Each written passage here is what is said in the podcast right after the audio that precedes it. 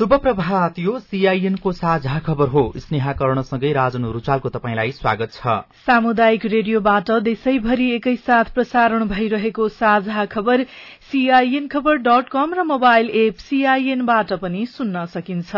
आज दुई हजार उनासी साल साउन एक्काइस गते शनिबार अगस्त छ तारीक सन् दुई हजार बाइस नेपाल सम्मत एघार सय बयालिस श्रावण शुक्ल पक्षको नवमी तिथि। साझा खबरमा प्रमुख खबरका शीर्षकहरू। संसदीय चुनावका लागि एक सय सोह्र दल योग्य दल दर्ताका लागि निर्वाचन आयोगको आह्वान सत्ता गठबन्धनमा सीट बाँडफाँडका लागि कार्यदल बनाइयो। दलित समुदायका नागरिकलाई नागरिकता बनाउँदा नाममै अपमान चालिस वर्ष भन्दा कम उमेरका बत्तीस युवा प्रशासनिक नेतृत्वमा सरकारी कर्मचारीको तलब सुविधा हेरफेरका लागि आयोग गठनको तयारी।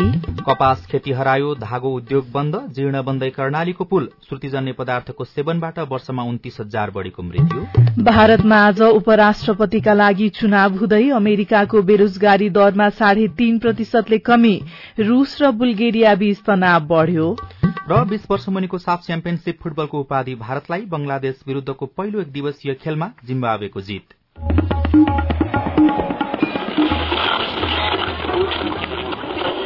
सयौं रेडियो। हजारौं रेडियो कर्मी र करोड़ौं नेपालीको माझमा यो हो सामुदायिक सूचना नेटवर्क सीआईएन साझा खबरको सबैभन्दा शुरूमा संसदीय चुनाव र सत्ता गठबन्धनमा सीट बाँडफाँडका लागि कार्यदल बनाइएको सम्बन्धी प्रसंग सत्तारूढ़ पाँच दलले आगामी मंगिर चारका लागि तय प्रतिनिधि सभा र प्रदेश सभा निर्वाचनका लागि सीट बाँडफाँड कार्यदल बनाएका छन्। प्रधानमन्त्रीको सरकारी निवास बालवाटारमा हिजो बसेको सत्तारूढ़ पाँच दलीय बैठकले आगामी निर्वाचनमा तालमेलबाटै अघि बढ़ने निष्कर्ष निकाल्दै सीट बाँडफाँडका लागि कार्यदल बनाएको हो। बैठकमा सहभागी कांग्रेस नेता तथा सरकारका सूचना तथा संचार मन्त्री ज्ञानेन्द्र बहादुर कार्कीले गठबन्धन बैठकले आगामी चार मंगिरका लागि तय प्रतिनिधि सभा र प्रदेश सभा निर्वाचनमा पाँच दलीय गठबन्धन बीच चुनावी तालमेल को निर्णय गरेको जानकारी दिनुभयो। सीट बाँडफाँडका लागि गठबन्धनले एघार सदस्यीय कार्यदल बनाएको छ जसमा प्रमुख सत्तारूढ़ दल कांग्रेसबाट कृष्ण प्रसाद छिटौला महामन्त्री गगन कुमार थापा र ज्ञानेन्द्र बहादुर कार्की र माओवादी केन्द्रबाट वर्षमान पुन र देव गुरूङ तोकिएका छन्। त्यस्तै नेकपा एकीकृत समाजवादीबाट उपाध्यक्ष प्रमेश हमाल र महासचिव बेदुराम भूषाल जनता समाजवादी पार्टीबाट राम सहाय प्रसाद यादव रकम चेम्जोङ र राष्ट्रिय जनमोर्चाबाट हिमलाल पुरी र आनन्द शर्मा सदस्य रहेका छन्। कार्यदलले तयार पारेको प्रस्तावको आधारमा नै सीट बाँडफाँड गरिने नेकपा यसका नेता जगन्नाथ खतिवड़ाले बताउनुभयो।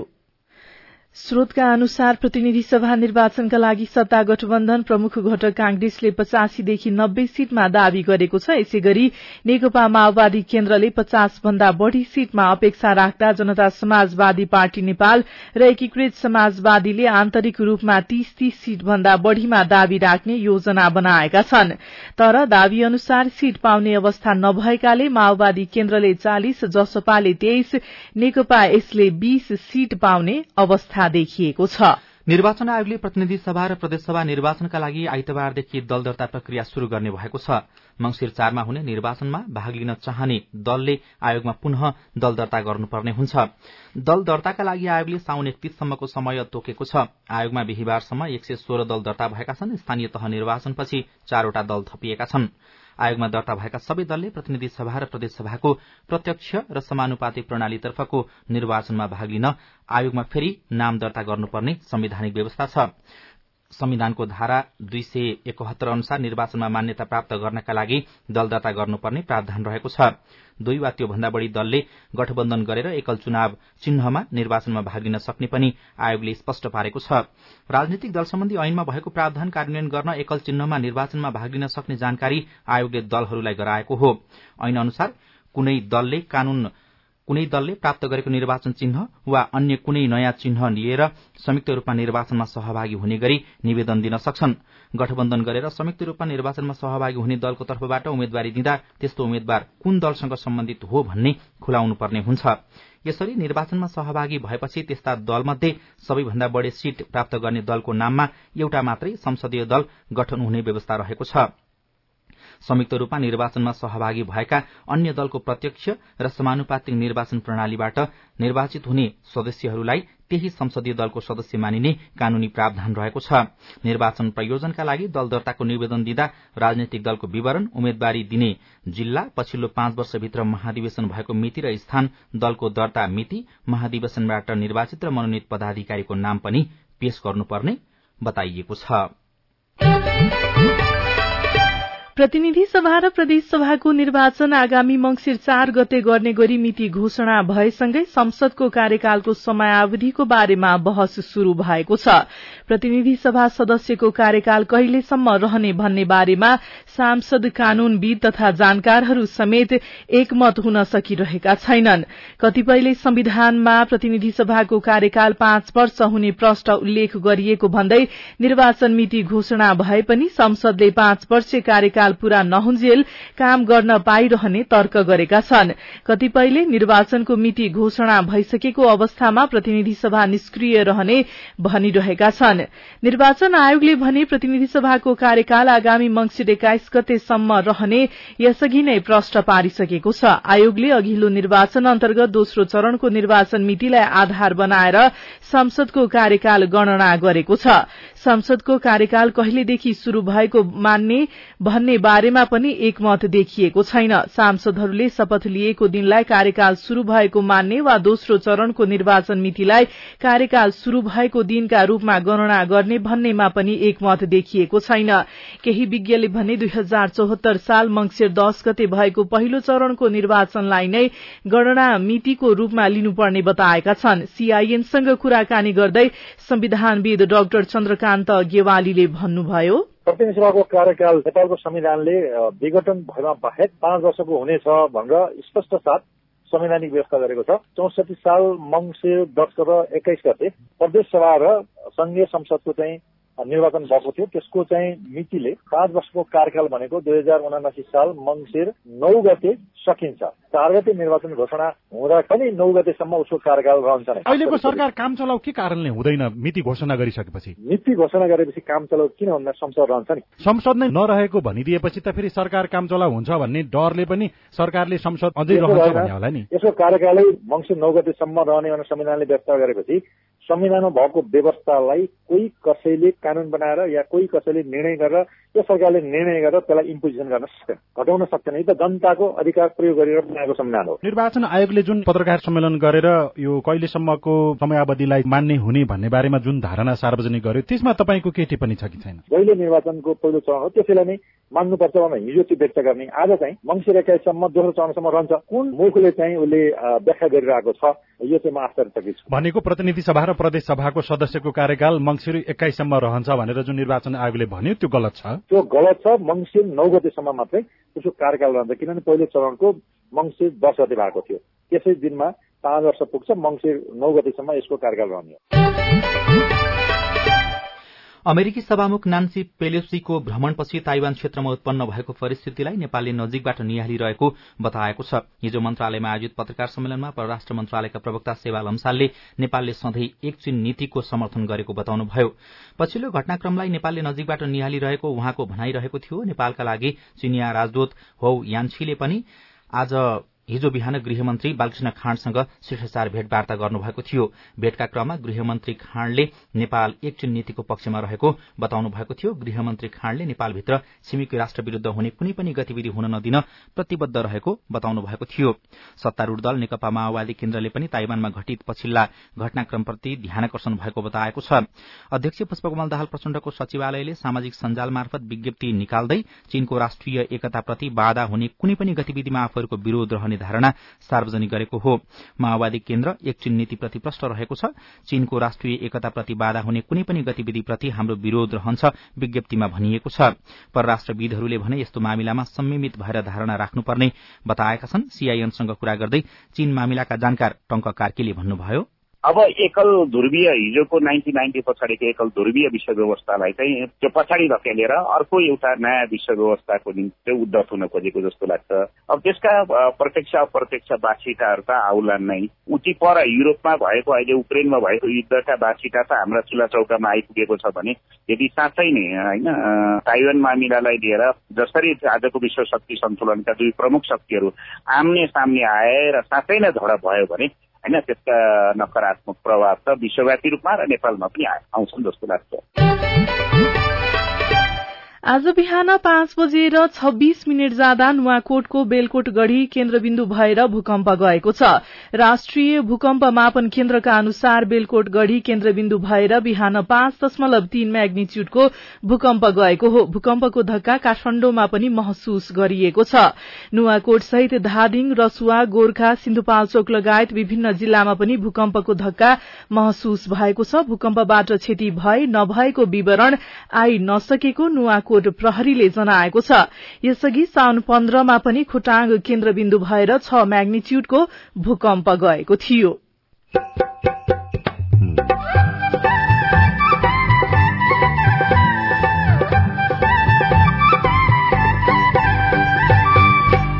सामुदायिक सूचना नेटवर्क सीआईएन मार्फत देशभरि प्रसारण भइरहेको साझा खबरमा सुर्तीजन्य पदार्थको सेवनबाट मृत्यु हुनेको संख्या बढ्दो। प्रत्येक वर्ष सडतिस हजार पाँच सय उनातिस जनाले चाहिँ श्रुतिजन्य पदार्थको सेवनबाट लाग्ने रोगहरूको कारणले चाहिँ मृत्युवरण गर्ने गरेको तथ्याङ्क हामीसँग छ।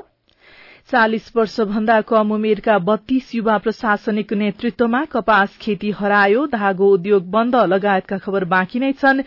सीआईएनको साझा खबर सुन्दै गर्नुहोला। मम्मी खाजा। मम्मी मेरो होमवर्क गर्ने कापी। बुहारी एकदम खुट्टा दुख्यो। बुहारी चिया खान मन लागेको थियो। बुढी कपडा मैलो भएछ। अरे मेरो परिवार। भर्खरै सुनेको संवाद तपाईँलाई कस्तो लाग्यो? यही संवादलाई फेरि एकपटक यसरी सुनौ न है। मम्मी खाजा। आज म बनाउँछु। मिठो बनाउँछु है। मम्मी मेरो होमवर्क गर्ने कापी। मैले खोजिसके। अब म होमवर्क गर्छु।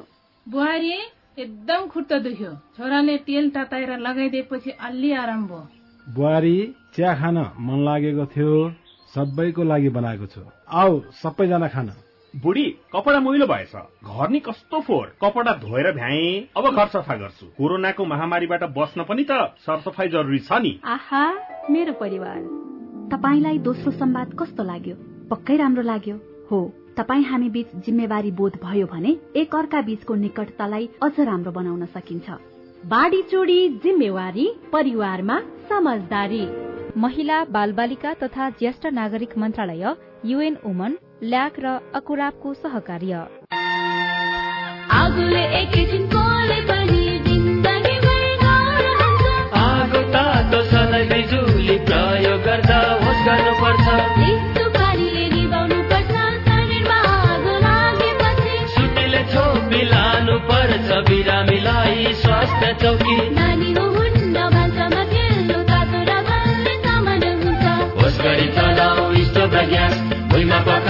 दुर्घटना बढ्छ अग्निजन्य दुर्घटना भएमा शून्य एक पचपन्न पचपन्न छ आठ नौमा सम्पर्क गर्नुहोस्। बीबीएस नेपाल ललितपुर। सामाजिक रूपान्तरणका लागि यो हो सामुदायिक सूचना नेटवर्क सीआईएन तपाईँ अहिले देशभरिका सामुदायिक रेडियो सीआईएन खबर डट कम र मोबाइल एप सीआईएनबाट एकैसाथ साझा खबर सुन्दै हुनुहुन्छ। अब आज काठमाडौँबाट प्रकाशित पत्र पत्रिकाको खबर। गोर्खापत्र दैनिकको पहिलो पृष्ठमा जीर्ण बन्दै कर्णाली पुल शीर्षकमा खबर लेखिएको छ। सुदूरपश्चिम प्रदेशलाई मुलुकको अन्य भागसँग जोड्ने एकमात्र कर्णाली पुल निर्माण भएको तीन दशकसम्म पनि सामान्य मरम्मत सम्भार हुन सकेको छैन। दुई हजार चौवालिस सालमा निर्माण कार्य शुरू भई दुई हजार पचास सालमा निर्माण सम्पन्न भएको कर्णाली पुल हालसम्म एकपटकसम्म पनि मरम्मत नहुँदा पुलका नट बोल्ट खसेर पुलका केही भाग हल्लिने अवस्थामा पुगेका छन्। जापानको कावासाकी हेभी इण्डस्ट्रीजले पुल निर्माण गरेको थियो। एउटै जगमा दुईवटा खम्बा बनाइएको पाँच सय मिटर लामो पुलको दुवैतिर तीस तीसवटा फलामे लट्ठाको सहायताले सन्तुलन मिलाइएको छ। पुलको नियमित रूपमा बेला बेला मरम्मत सम्हार गर्नुपर्ने प्राविधिकहरूले बताएका छन्। मरम्मत सम्हारको जिम्मा पाएको सड़क डिभिजन कार्यालय नेपालगंजका प्राविधिकहरू बेला बेलामा आएर खम्बा भित्रबाट माथि गएर भार सन्तुलन हेर्ने पुलमा प्रयोग भएका फलाममा खिया लागेको अवस्था अवलोकन गर्ने काम मात्रै गर्ने गरेको स्थानीयले गुनासो गरेका छनृ। तराजु शैलीमा दुवैतिरको भार सन्तुलन मिलाइएको पुलमा अचेल बिना रोकटोक जति पनि सवारी साधन गुड्न थालेका छन् ती सवारी साधनको तौल कति छ भन्ने कुरा ख्याल नगरेरै पुलमा ओहोर दोहोर गर्ने गरेको पाइएको छ। तलब आयोग गठनको तयारी शीर्षकमा अर्को खबर लेखिएको छ। सरकारले सबै राष्ट्र सेवक कर्मचारीको तलब सुविधा पुनरावलोकन गर्न उच्च स्तरीय तलब आयोग गठन गर्ने तयारी गरेको छ। राज्यको स्रोत र साधनलाई ध्यानमा राख्दै समय सापेक्ष रूपमा कर्मचारीको तलब वृद्धि गर्ने उद्देश्य सहित सरकारले उच्च स्तरीय तलब आयोग गठन गर्न लागेको हो। सरकारले चालू आर्थिक वर्षको बजेटमा उच्च स्तरीय तलब आयोग गठन गर्ने घोषणा गरेको थियो। सोही घोषणा कार्यान्वयन गर्न संघीय मामिला तथा सामान्य प्रशासन मन्त्रालयले आयोग गठनका लागि प्रारम्भिक गृह कार्य थालेको छ। नयाँ पत्रिका दैनिकमा प्रशासन हाँक्ने युवा चालिस भन्दा कम उमेरमै नीतिगत तहमा पुगेका छन् बत्तीस युवा शीर्षकमा खबर लेखिएको छ। राज्यका हरेक अंगमा युवाको हस्तक्षेपकारी भूमिकाको आवश्यकतामाथि बहस जारी छ। क्षमता योग्यता ऊर्जा सबै हिसाबले तयार भए पनि युवाले उपयुक्त भूमिका पाउन नसकेको आम गुनासो छ। तर देशको स्थायी सरकार निजामती सेवामा भने केही फरक हुँदैछ। चालिस वर्ष मुनिका मात्रै झण्डै तीन दर्जन युवा प्रशासन हाँक्ने सहसचिव तहमा पुगेका छन्। स्वाभाविक रूपमा उनीहरू भावी सचिवका दावेदार हुन्। निजामती किताबखानाबाट प्राप्त विवरण अनुसार अहिले चालिस वर्ष भन्दा कम उमेरका बत्तीस युवा निजामती सेवाको राजपत्रांकित प्रथम श्रेणीमा कार्यरत रहेका छनृ। निजामतीमा यो तह नीति निर्माणमा प्रत्यक्ष संलग्न हुनुका साथै प्रभाव पार्न सक्छ। सुस्त बढ़ुवा प्रणाली बाहिर भिडेर थोरै संख्यामा भए पनि युवा नीतिगत तहमा पुगेका हुन्। राजनीतिक हस्तक्षेपलाई व्यवस्था गर्दै समग्र प्रशासनलाई नागरिक मैत्री र विश्वसनीय बनाउन मात्र युवा प्रशासनले पहल गर्न सके सेवा प्रवाह चुस्त बन्न सक्ने देखिएको छ। कान्तिपुर दैनिकको पहिलो पृष्ठमा नाममै अपमान शीर्षकमा खबर छापिएको छ। यो खबर सुर्खेतबाट ज्योति कटुवालले र बागलुङबाट प्रकाश बरालले लेख्नु भएको हो। नागरिकता बिना कुनै सरकारी काम हुँदैन तर दैलेखको दुल्लु नगरपालिका एक निवासी पैंतिस वर्षका कुलबहादुर वादीलाई आफ्नै नागरिकता बोकेर हिँड्दा अपमान बोध हुन्छ नहोस् पनि किन? दुई हजार चौवालिस सालमा जन्मनुभएका कुलबहादुरको नागरिकतामा नाम र थर फ्याउरो वादी लेखिएको छ। कुनै निरक्षर नागरिकको नाम फ्याउरो भनेर नागरिकताको कार्ड तयार भएपछि सोधपूछ गर्नुपर्ने दायित्व शिक्षित सरकारी अधिकारीको हो। तर दुई हजार चौसठीमा बनाएको नागरिकतामा शाखा अधिकृत मेघनाथ पाध्याले निर्धक्क हस्ताक्षर दस्काएका छन्। रूकुम पश्चिम आठपीस नगरपालिका तीनका एक नागरिकको प्रमाणपत्रमा कुत्तावादी लेखिएको छ। एकसठी वर्षका उहाँ आफ्नै नागरिकताका कारण अपमानित हुनुहुन्छ। दुर्गम भेग र निरक्षर पृष्ठभूमिका उहाँलाई आफ्नो असली नाम के थियो भन्ने पनि थाहा छैन। नागरिकतामै लेखिएको नाम काटेर उहाँलाई स्थानीयले बोलाउँछन्। तर उहाँ विरोध गर्न पनि सक्नुहुन्न। दैलेखको नारायण नगरपालिका दश गुवाहाटीका पैंसठी वर्षका अर्का नागरिकको नाम सिंगाने कामी लेखिएको छ। नागरिकको नाम सिंगाने लेखिदिने हाकिमले लाज मान्नुपर्ने हो तर अपमानित छन् सर्वसाधारण। दुई हजार चौवालिस सालतिर गाउँमा जनगणना गर्न आउँदा उहाँको छिमेकीले टिपाएको नामका आधारमा नागरिकता बनेको उहाँले सुनाउनु भएको छ। यस्ता अपमानित नाम खेप्नेहरू थुप्रै भएको खबरमा उल्लेख गरिएको छ। त्यस्तै अन्नपूर्ण पुष्तैनिकमा धागो उद्योग बन्द कपास खेती हरायो शीर्षकमा लक्ष्मण पोखरेलले बुटबलबाट लेख्नु भएको खबर छापिएको छ। नेपालगंजमा कपास खेती बुटवलमा धागो उद्योग त्यही धागोले हेटौँडामा कपड़ा कारखाना सञ्चालन गर्ने यस्तो थियो सरकारको योजना। त्यसै अनुसार दुई हजार अडचालिस सालमा बुटवलमा धागो उद्योग स्थापना भएको थियो तर दुई हजार छैसठी साल यता यो उद्योग पूर्ण रूपमा बन्द भएको छ। स्वदेशी कपास स्वदेशी धागो र स्वदेशी सुतीको कपड़ा उत्पादन गरेर आत्मनिर्भर हुने सरकारी योजना कल्पनामै सीमित भएको खबरमा उल्लेख गरिएको छ। साझा खबरमा अब हेलो सीआईएन अविनाश आचार्यबाट।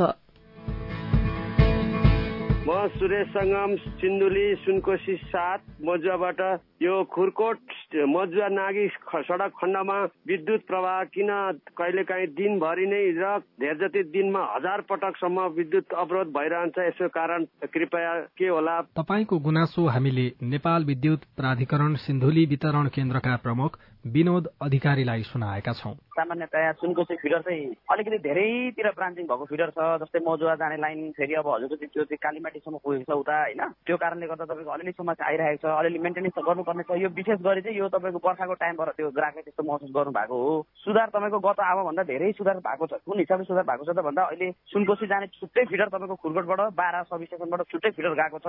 र यो तपाईँको पानी जब अलिकति कन्ट्रोल हुन्छ त्यो पछाडि चाहिँ लौ लौ यो समस्या चाहिँ समाधान हुन्छ। भन्ने चाहिँ म उहाँलाई भन्न चाहन्छु। म शम्भु दास रौतहटबाट फतुवा बिजयपुर नगरपालिका पश्चिममा पूर्वमा कटहरिया नगरपालिका दुवैको बिचमा पर्ने लालबकैया नदी। सबै रास्ता कम्प्लिट भएको छ। पचास साठ मिटर छोडिदिएको छ भने अब अविरल वर्षाको कारण एकदमै हिलो छ बाटो बन्द छ कुनै ध्यान आकर्ष पुर्याएको छैन। जवाफ दिँदै हुनुहुन्छ फतुवा विजयपुर नगरपालिका वडा नम्बर एकका अध्यक्ष विजय कुमार यादव। त्यो बाटोको ठेका भइसकेको छ। ठेकदार पनि माटी गिराएर चाहिँ बारिस आउँदाखेरि त्यो हिलो हिलो भइसकेको छ होइन? काम गर्दै थियो। त्यसमा एकजनाले मुदा पनि गरेछ बाटो मेरो नबरी हो भनेर। दुवैजनाको झडपमा त्यही दुवैजनाको मुद्दाको कारण ढिला भयो हामी चाहिँ टाइट गरेका छौँ। मेरो नाम चितामन प्रसाद पोखरेल। म सिरामचोक गाउँपालिका वार्ड नम्बर चारबाट मेरो भनाइ छ कि मेरो घरभन्दा पारिपट्टि डली बस्ती छ। त्यो डली बस्ती तिन घर तिन घर छन् जम्मा। त्यो तिन घर बाढी पहिरोले चाहिँ खत्तम बनाउने भइसक्यो। बिचमा अलिकति पहिरो फालिदिएर चाहिँ त्यो तिन घरलाई जोगाइदियो भन्दाखेरिमा चाहिँ गाउँपालिका र वार्ड कार्यालयले टिर्दैन यसको लागि सम्बन्धित निकायबाट जानकारी पाउनु यसबारे प्रश्न पार्न हामीले सिरानचोक गाउँपालिकाका अध्यक्ष ज्ञानेन्द्र गुरुङलाई भनेका छौं। त्यसमा हाम्रो प्राविधिक स्थलगत रूपमा गएर त्यो स्थान निरीक्षण पनि गरेको छ। अर्को कुरा चाहिँ त्यो सँगै चाहिँ कालोपत्रे बाटो छ। त्यो कालोपत्रे बाटोमा गएको ठुलो प्रकृतिको पहिरो चाहिँ जिल्ला स्थित पूर्वाधार कार्यालयको डिसै जिल्ला प्रमुख अधिकारी आएर अनुगमन गरेर अहिले इस्टिमेसन बन्ने काम भइरहेछ। र अहिले अस्थायी प्रकृतिको चाहिँ तपाईँको यातायात आगमनका लागि चाहिँ त्यहाँ काम हुँदैछ। उहाँले भन्नुभएको ठ्याक्कै चाहिँ हामीले इग्नोर गरेको होइन। तर त्यो गर्दै गर्दा यो मनसुनको बेलामा चाहिँ हामी अलिकति जोखिम संवेदनशीलतालाई पनि ध्यानमा राखेर ठ्याक्कै मेसिन लाएर पहिरो पन्छाउँदै गर्दा त्यसले निम्ताउन सक्ने झन् त्यो क्षतिलाई आकलन गरेर चाहिँ काम गर्नुपर्ने भएको हुनाले काम चाहिँ अघि बढाएको छ काम नभए होइन यही हो। तपाईँ जुनसुकै बेला हाम्रो टेलिफोन नम्बर शून्य एक बाहन्न साठी छ चार छमा फोन गरेर आफ्नो प्रश्न प्रतिक्रिया जिज्ञासा तथा गुनासो रेकर्ड गर्न सक्नुहुन्छ। साझा खबरमा अब विदेशका खबर। भारतमा आज उपराष्ट्रपतिका लागि चुनाव हुँदैछ। वर्तमान उपराष्ट्रपति वेंकैया नाइडूको कार्यकाल दश अगस्तमा सकिँदैछ। उपराष्ट्रपतिका लागि एनडीएले पश्चिम बंगालका राज्यपाल जगदीप धनखड़लाई उम्मेद्वार बनाएको छ भने विपक्षी कंग्रेसले नेता मार्गरेट अल्वालाई उम्मेद्वार बनाएको छ। चीनले जलवायु परिवर्तनदेखि सैन्य सम्बन्ध र लागू औषध विरूद्धको कार्यवाही लगायतका विषयमा अमेरिकासँग वार्ता नगर्ने भएको छ। अमेरिकी सभामुख न्यान्सी पेलोसीले ताइवान भ्रमणबाट रूष्ट बनेको चीनले ती विषयमा तत्काल कुनै पनि वार्ता नगर्ने बताएको हो। अमेरिकाको बेरोजगारी दरमा साढे तीन दशमलव पाँच प्रतिशतले कमी आएको छ। अमेरिकी श्रम मन्त्रालयका अनुसार जुलाई महिनामा अमेरिकाको बेरोजगारी दर तीन दशमलव पाँच प्रतिशतले घटेको जनाइएको छ र रूस र बुल्गेरिया बीच उत्पन्न तनाव अहिले उत्कर्षमा पुगेको छ। रूसले बुल्गेरियालाई चौध कूटनीतिज्ञलाई आफ्नो देश छोड्न आदेश दिएको छ। बुल्गेरियाले रूसका सत्तरी कूटनीतिज्ञलाई देश निकाला गरे लगत्तै रूसले यस्तो आदेश दिएको हो। अब खेल खबर बीस वर्ष मुनिको साफ च्याम्पियनशीप फुटबलको उपाधि भारतले जितेको छ। भारतको भुवनेश्वर स्थित कालिङ्गा रंगशालामा हिजो भएको फाइनल खेलमा बंगलादेशलाई पाँच दुई गोल अन्तरले हराउँदै भारतले उपाधि जितेको हो। जिम्बावेले बंगलादेश विरूद्धको पहिलो एक दिवसीयमा जीत हात पारेको छ। हरारेमा गै राति भएको खेलमा जिम्बावेले बंगलादेशलाई पाँच विकेटले हराएको हो। जीतसँगै जिम्बावेले तीन खेलको एक दिवसीय अन्तर्राष्ट्रिय श्रृंखलामा एक शून्यको अग्रता बनाएको छ र इंग्लिश प्रिमियर लीगमा आर्सनलले विजयी शुरूआत गरेको छ। गै राति भएको सिजनको पहिलो खेलमा आर्सनलले क्रिस्टल प्यालेसलाई दुई शून्य गोल अन्तरले हराउँदै विजयी शुरूआत गरेको हो।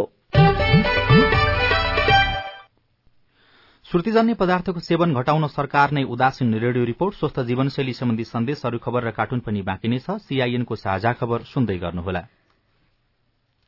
उठाउनु पर्ने आवाजहरू सदनमा उठाउनु भएको छ तपाईँलाई धन्यवाद दिनुपर्ने हुन्छ। कानून निर्माणमा नागरिक सहभागिता सिद्धान्त र अभ्यास। पारित गरियोस् भन्ने प्रस्ताव दुई तिहाई बहुमत भन्दा बढी मतबाट पारित भएको घोषणा गर्दछु। कानून कार्यान्वयनमा सांसद र संसदको जवाफदेहिता। र जिल्लाको र समग्र मुलुकका चाहिँ सवालहरूलाई संसदमा उठाउने सवालहरूमा म आफूले सशक्त ढंगले भूमिका खेले भन्ने लाग्छ। संसदीय प्रक्रियामा जनता र सरकारवाला निकायको नजर। युवाको क्षेत्रमा त्यति धेरै काम भएको छैन। युवालाई चाहिँ ओजेरमै राखेर अहिले काम भइरहेको छ। युवाहरूलाई चाहिँ रोजगारीमा जोड्नुपर्छ भनेर अहिले केही कार्यक्रमहरू पनि सञ्चालन गरेका छौं। जनतादेखि नेतासम्म नीतिदेखि नेतृत्वसम्म युवा सीमान्तकृत वर्ग जाति अल्पसंख्यकका सवालहरू। जनताको कुरा राख्ने ठाउँ संसदै हो। हामी कार्यपालिका होइन व्यवस्थापिका हो नीति निर्माण गर्ने हो। अब सवाल मात्रै होइन जवाबसँगै देखिन्छ प्रभाव पनि। कार्यक्रम हेलो सांसद सीआईएन मार्फत मुलुकभरका सामुदायिक रेडियोमा हरेक बिहिबार बेलुकाको साझा खबरमा र भोलिपल्ट शुक्रबार बिहान साढे छ बजे कार्यक्रम हेलो सांसद सीआईएन को फेसबुक पेज र युट्युब च्यानलमा सांकेतिक भाषामा पनि हेर्न सक्नुहुनेछ। सामाजिक रूपान्तरणका लागि यो हो सामुदायिक सूचना नेटवर्क सीआईएन साझा खबरमा अब सुर्तीजन्य पदार्थ सेवन र मृत्युको प्रसंग नेपालमा सुर्तीजन्य पदार्थ सेवनका कारण प्रतिवर्ष सैतिस हजार पाँच सय उनातिस अर्थात प्रति घण्टा चार जनाको मृत्यु हुने गरेको छ। जुन नेपालको जम्मा मृत्यु संख्याको उन्नाइस प्रतिशत हो भने दुई लाख भन्दा बढ़ी मानिसमा यसैका कारण मानसिक स्वास्थ्यमा समस्या देखिने गरेको छ। तर सुर्तीजन्य पदार्थको नियन्त्रण र नियमनका लागि बनाइएको कानून पूर्ण रूपमा कार्यान्वयन नहुँदा यसको प्रयोगकर्तामा आशातीत कमी आउन सकेको छैन। उन्तिस वर्षदेखि क्यान्सरका बिरामीहरूको उपचार गर्दै आएको भक्तपुर क्यान्सर अस्पतालमा वार्षिक तीस हजार बढ़ी बिरामी उपचारका लागि आउने गर्छन् जसमा गत आर्थिक वर्ष करिब पैंतिस सय बिरामीलाई क्यान्सर भएको देखिएको थियो।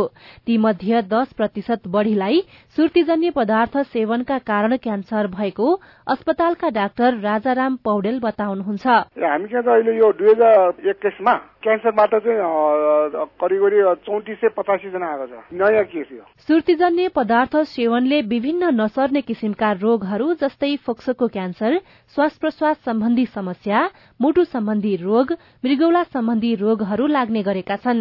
वरिष्ठ फिजिसियन डाक्टर सूर्य पराजुली। लगभग लगभग शरीरको सबै प्रणालीलाई असर गर्छ क्या। यो चुरोट खैनी सुर्जन्य पदार्थहरूले हृदयघातको समस्याहरू बढाउने होइन हार्ट एट्याकको समस्याहरू बढाउने श्वास प्रश्वासमा अथवा र हाम्रो यो डाइजेस्टिभ सिस्टममा चाहिँ बढी असर गर्ने कुरा भयो होइन। फोक्सोको क्यान्सर सोरेन्टोको क्यान्सरहरू गराउने होइन। विभिन्न खालको गुर्खाहरूको प्रयोग अत्याधिक छ। त्यसले चाहिँ यो धेरै खाइसकेपछि हाम्रो मुखमा चाहिँ यो मुखै खोल्न नसक्ने अवस्थाहरू आउँछ। धेरै गुरु खाने मान्छेले सालको कम्प्लेनहरू गर्नुहुन्छ। नेपाल विकास अनुसन्धान प्रतिष्ठानको तथ्य जानकारी दुई हजार बाइसका अनुसार नेपालमा प्रत्येक वर्ष सुर्तीजन्य पदार्थको सेवनले सैतिस हजार पाँच सय बढ़ीको मृत्यु हुन्छ। नेपालमा सुर्तीजन्य पदार्थ सेवनकर्ताको संख्या पनि अडचालिस लाख नागेको छ। जसमा एकाउन्न प्रतिशत पुरूष र तेह्र दशमलव सात प्रतिशत महिला छन्। प्रतिष्ठानका अनुसन्धानकर्ता अञ्जना लामिछाने मृत्युवरण गर्ने संख्या चाहिँ दिनानुदिन बढ्दै गइरहेको देखिन्छ भने यसले प्रत्येक वर्ष सडतिस हजार पाँच सय उनातिस जनाले चाहिँ श्रुतिजन्य पदार्थको सेवनबाट लाग्ने रोगहरूको कारणले चाहिँ मृत्युवरण गर्ने गरेको तथ्याङ्क हामीसँग छ। यो भनेको चाहिँ कुल मृत्यु दरको उन्नाइस पोइन्ट चार प्रतिशत हुन्छ यो चाहिँ। तर नेपालमा सुर्तीजन्य पदार्थमा लाग्ने कर विश्व स्वास्थ्य संगठनको पचहत्तर प्रतिशत मापदण्ड भन्दा धेरै कम छ। आर्थिक वर्ष दुई हजार उनासी अस्सीमा बीस प्रतिशत अन्त शुल्क वृद्धिपछि कर लगभग एकचालिस प्रतिशत पुगेको छ। सुर्तीजन्य पदार्थको नियन्त्रण र नियमन गर्नका लागि बनाइएको कानून पूर्ण रूपमा कार्यान्वयन नहुँदा यसको प्रयोगकर्तामा आशातीत कमी आउन सकेको छैन। कानून कार्यान्वयनमा कड़ाईका साथै कर वृद्धि गरिनुपर्ने माग राख्दै प्रतिनिधि सभामा जेठ उन्नाइस गते संकल्प प्रस्ताव दर्ता भए पनि छलफल अगाडि बढ़ेको छैन। सांसद लक्ष्मी चौधरी। तीन वर्ष त्यतिकै लस भइहाल्यो अनि विधेयकहरू थुप्रै छन् कार्यसूचीहरू थुप्रै छन् अनि अब त्यसले गर्दाखेरि अब महत्वपूर्ण विधेयकहरू नै पास गर्न सकेका छैन त्यसमा। संकल्प प्रस्ताव दर्ता गर्न ढिलो भए हुनाले पनि अलि अप्ठ्यारो पर्यो नत्र पनि यही बजेटमा पनि हामी धेरै सुधारहरू गर्न सक्छौँ। सरकारी राजस्वमा सुर्तीजन्य वस्तुबाट उठ्ने अन्त शुल्कको हिस्सा जम्मा दुई दशमलव एक सात प्रतिशत रहेको तथ्याङ्कले देखाउँछ भने सुर्तीजन्य पदार्थ सेवनका कारण वार्षिक उन्चालिस दशमलव दुई पाँच अर्बको क्षति हुन्छ। सुर्तीजन्य पदार्थ सेवनलाई घटाउन कानूनको प्रभावकारी कार्यान्वयन सहित विश्व स्वास्थ्य संगठनको पचहत्तर प्रतिशत करको मापदण्ड लागू गर्न विज्ञहरू जोड़ दिन्छन्। सुशीला श्रेष्ठ सीआईएन काठमाडौँ। रिपोर्टसँगै हामी साझा खबरको अन्त्यमा आइपुगेका छौं। सामुदायिक रेडियो प्रसारक संघद्वारा संचालित सीआईएनको बिहान छ बजेको साझा खबर सक्नु अघि मुख्य मुख्य खबर फेरि एकपटक। संसदीय चुनावका लागि एक सय सोह्र दल योगीय दल दर्ताका लागि निर्वाचन आयोगको आह्वान सत्ता गठबन्धनमा सीट बाँडफाँडका लागि कार्यदल बनाइयो। दलित समुदायका नागरिकलाई नागरिकता बनाउँदा नाममै अपमान चालिस वर्षभन्दा कम उमेरका बत्तीस युवा प्रशासनिक नेतृत्वमा। कपास खेती हरायो धागो उद्योग बन्द जीर्ण बन्दै कर्णाली पुल। भारतमा आज उपराष्ट्रपतिका लागि चुनाव हुँदै अमेरिकाको बेरोजगारी दरमा साढे तीन प्रतिशतले कमी। र बीस वर्ष मुनिको साफ च्याम्पियनशीप फुटबलको उपाधि भारतलाई। साझा खबरको अन्त्यमा कार्टुन लिएका छौं राजधानी दैनिकबाट। कुरी शीर्षकमा उत्तम नेपालले बनाउनु भएको यहाँ दुईजना व्यक्ति देखाइएको छ। एकजना हाकिम जस्ता देखिन्छन् अर्का चाहिँ तल्ला तहका कर्मचारी जस्ता देखिने व्यक्ति छन्। उनी सरुवा बडुवाको लागि भनेर हाकिम जस्ता देखिने व्यक्तिलाई पैसा बुझाउन अर्थात घुस रकम बुझाउनको लागि आएको जस्तो देखिन्छ हातमा ब्रिफकेस पनि बोकेको देखिन्छ। तल चाहिँ यस्तो लेखिएको छ सर्वाका लागि यत्रो ब्रिफकेस ल्याउँदा त काम्नु भो भोलि ठाउँमा पुगेपछि कसरी लिनुहुन्छ ठूलो रकम? हवस् त प्राविधिक साथी सुभाष पन्तलाई धन्यवाद। अहिलेलाई राजन रुचाल र स्नेहा कर्ण विदा भयो। तपाईँको आजको दिन शुभ होस्। नमस्कार। यसपछि देशभरिका सामुदायिक रेडियोबाट कार्यक्रम सोधी खोजी प्रसारण हुनेछ। सुन्ने प्रयास गर्नुहोला।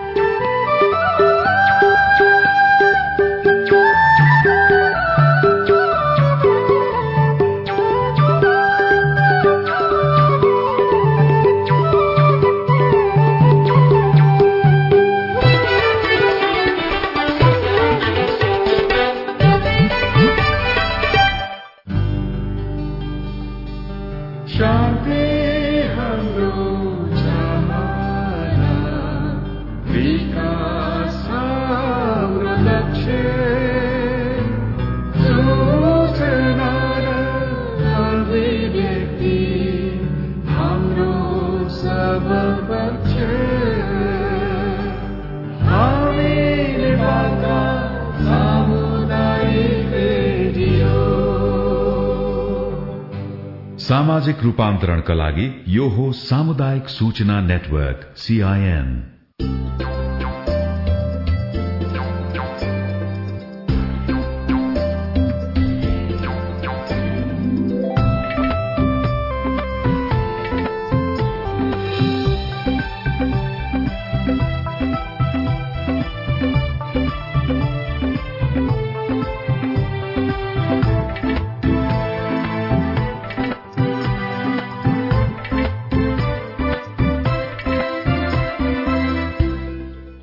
तपाईँको प्रश्न हाम्रो जवाब खोज्ने प्रयास। रेडियो कार्यक्रम सोधी खोजी। नमस्कार। रेडियो कार्यक्रम सोधी खोजीमा तपाईँलाई स्वागत छ। म सजना तिमल सिन्हा। तपाई यो कार्यक्रम सामुदायिक रेडियो प्रसारक संघ अखराबद्वारा संचालित सामुदायिक सूचना नेटवर्क सीआईएन मार्फत देशैभरिका सामुदायिक रेडियोबाट सुनिरहनु भएको छ। साथै सीआईएन